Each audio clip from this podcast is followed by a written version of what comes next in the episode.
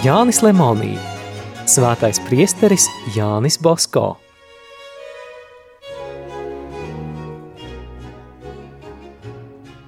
Tūkstoš 886. gada 14. augustā pie Bosko atnāca doktors Durando. Viņš tam deva visu naudu, cik vien toreiz viņam bija. Kad Durando aizgāja pie Bosko darbistabas durvīm, pieklauvēja nepazīstams vīrietis. Viņš jau veselu stundu bija gaidījis priekšistabā. Priesteris Bosko viņam laipni atvainojās. Atvainojiet, kungs, ka liku jums tik ilgi gaidīt. Te bija kongregācijas prefekts un paņēma no manis visu naudu, kas man bija. Tagad priesterim Bosko nav pat ubagam ko iedot.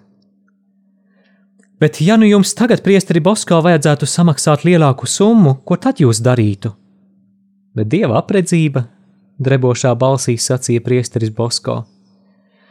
Jā, apredzība, labi, bet tagad jums nav naudas, un kur jūs to ņemsiet, ja man to vajadzētu? Tādā gadījumā es jums, labais kungs, sacītu: ejiet priekšistabā, tur būs kāds cilvēks, kas atnesis ziedojumu priestera Bosko darbiem. Kā? Vai tā ir taisnība? Bet tur neviena nebija bez manis, kad ienācu. Kas jums to teica? Neviens, bet ja es to zinu, tad vēl vairāk par mani zina Marija Kristīgo palīdzība. Ejiet, ejiet, paskatieties! Šis kungs izgāja, ieraudzīja kādu nopietnu cilvēku gaidām un tam pajautāja: Jūs gribat sastapt priesteri Bosko? Jā, tas teica. Es atnesu viņam ziedojumu. Viegli iedomāties, kāds pārsteigums bija abiem viesiem. Bet Jānis Bosko savā sirdī dziedāja dievam pateicības himnu. Lielāko palīdzību viņš vienmēr saņēma no trūcīgajiem, kuru nelielie ziedojumi kopā ņemot bieži pārsniedza lielos bagāto cilvēku ziedojumus. Pret saviem labdariem priesteris bija ļoti laipns un pateicīgs. Dažreiz Dievs apliecināja, ka viņam tāda Bosko attieksme ir patīkama. Divi bagāti jaunlaulātie, priesteri Bosko labdari, gandrīz visu savu bagātību glabāja bankā. Notika nelaime, banka bankrotēja, un nelaimīgajiem nebija vairs pat no kā dzīvot. No bēdām un sirdēstiem viņi pārcēlās uz Milānu un savas dienas trūcīgi vadīja mazā vienkāršā istabiņā. Priesteris Bosko aizbrauca viņus apciemot un gribēja atdot atpakaļ visu viņu ziedoto naudu salīdzjāņu darbam – Abi atteicās. Nu labi, ja negribat no manis pieņemt, tad pieņemiet no visvētākās jaunavas. Viņš ik mēnesi abiem sūtīja simt liru. Tā viņš izsūtīja 6000 liru. Tad Bosko uzzināja, ka vīrs nomiris un jaunā atraitne drīz apprecējās otrais ar turīgu cilvēku un atkal sāka sūtīt ziedojumus Marijas kristīgo palīdzības darbam. Svētajos rakstos sacīts, ka Dievs ir apbrīnojams savos svētajos. Turīnas arhibīskaps Dāvids Rikardī sacīja: Mūsu pilsētā ir divi brīnumi - Kotoleņo un Priesteris Bosko. Katrs no viņiem ir saudabīgs. Mazajam dieva apredzības namam nekad nepieklājas nekā lūgt, un ļoti labi, jo pati apredzība apņēmusies parūpēties par visu, kas vajadzīgs – lai uzturētu astoņus tūkstošus slimnieku. Turpretim priesterim Bosko tā pati apredzība liek meklēt krietnus labdarus. Nelaime būtu Kotoleņo slimnīcai, ja tā sāktu sekot priesterim Bosko. Bēdas priesterim Bosko, ja tas rīkotos pēc Kotoleņo sistēmas.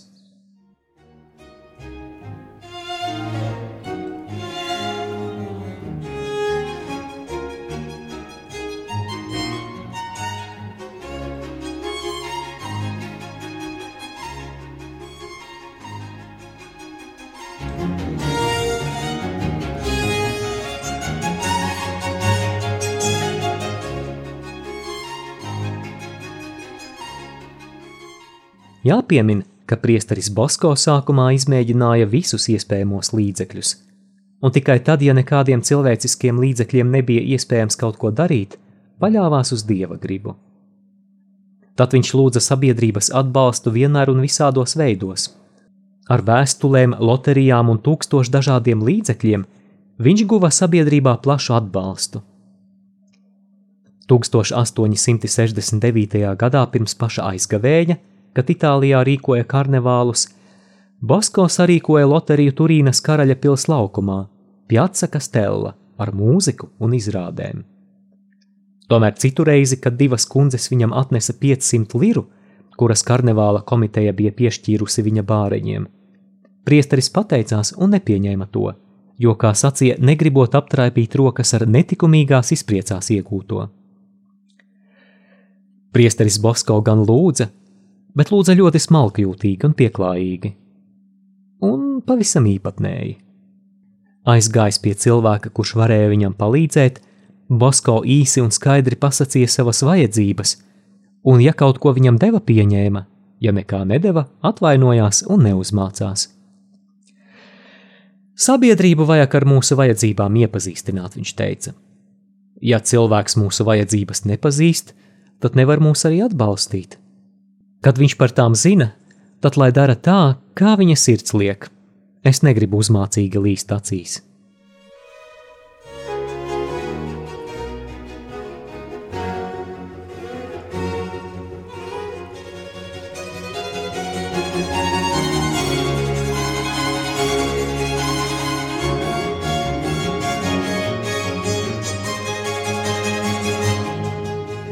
1881. gadā Marseļas svētā Jāzepa baznīcas prāvests gribēja priesteri Bosko iepazīstināt ar kādu ļoti bagātu kundzi.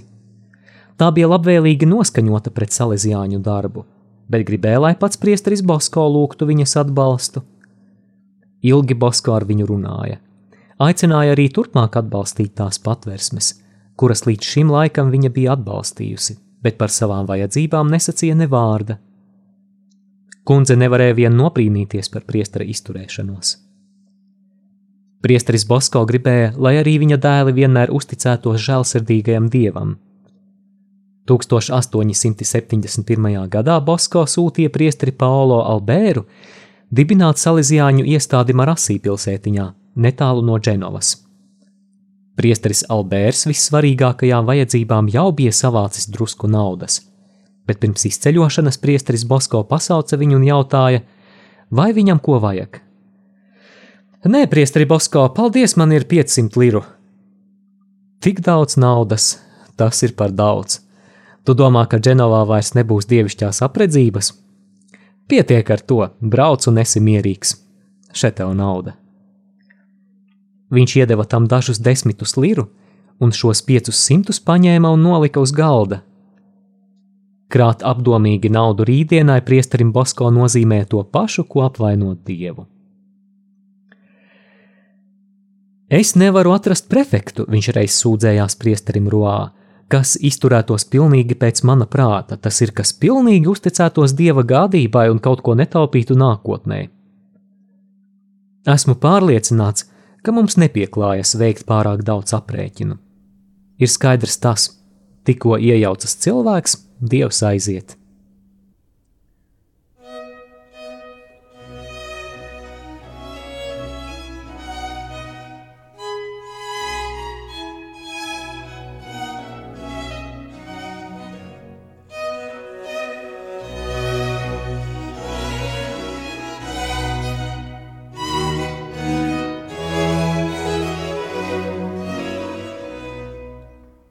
Dieva palīdzība Jāņa Bosko darbam bija tik skaidri redzama, ka visi, kas oratorijā strādāja vai apgādāja to ar produktiem, bieži sacīja: Mēs būtu tiešām laimīgi, ja visi mums tik ātri un akurāti samaksātu kā priesteris Bosko.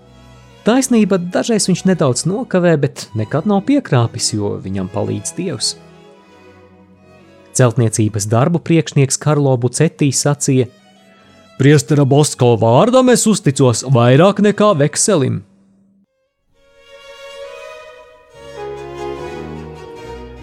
Izskanēja lasījums no Jāņa Lemonija grāmatas Svētais priesteris Jānis Bosko.